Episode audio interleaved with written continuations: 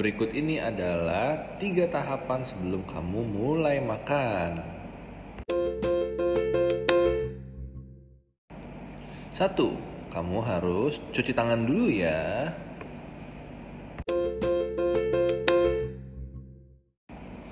Kedua, jangan lupa berdoa dahulu.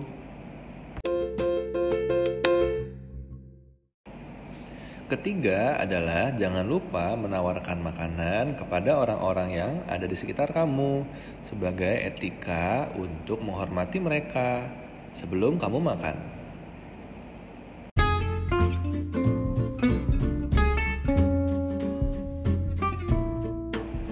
Kini kamu sudah mengetahui tiga hal yang harus kamu lakukan sebelum makan. Selamat menerapkan.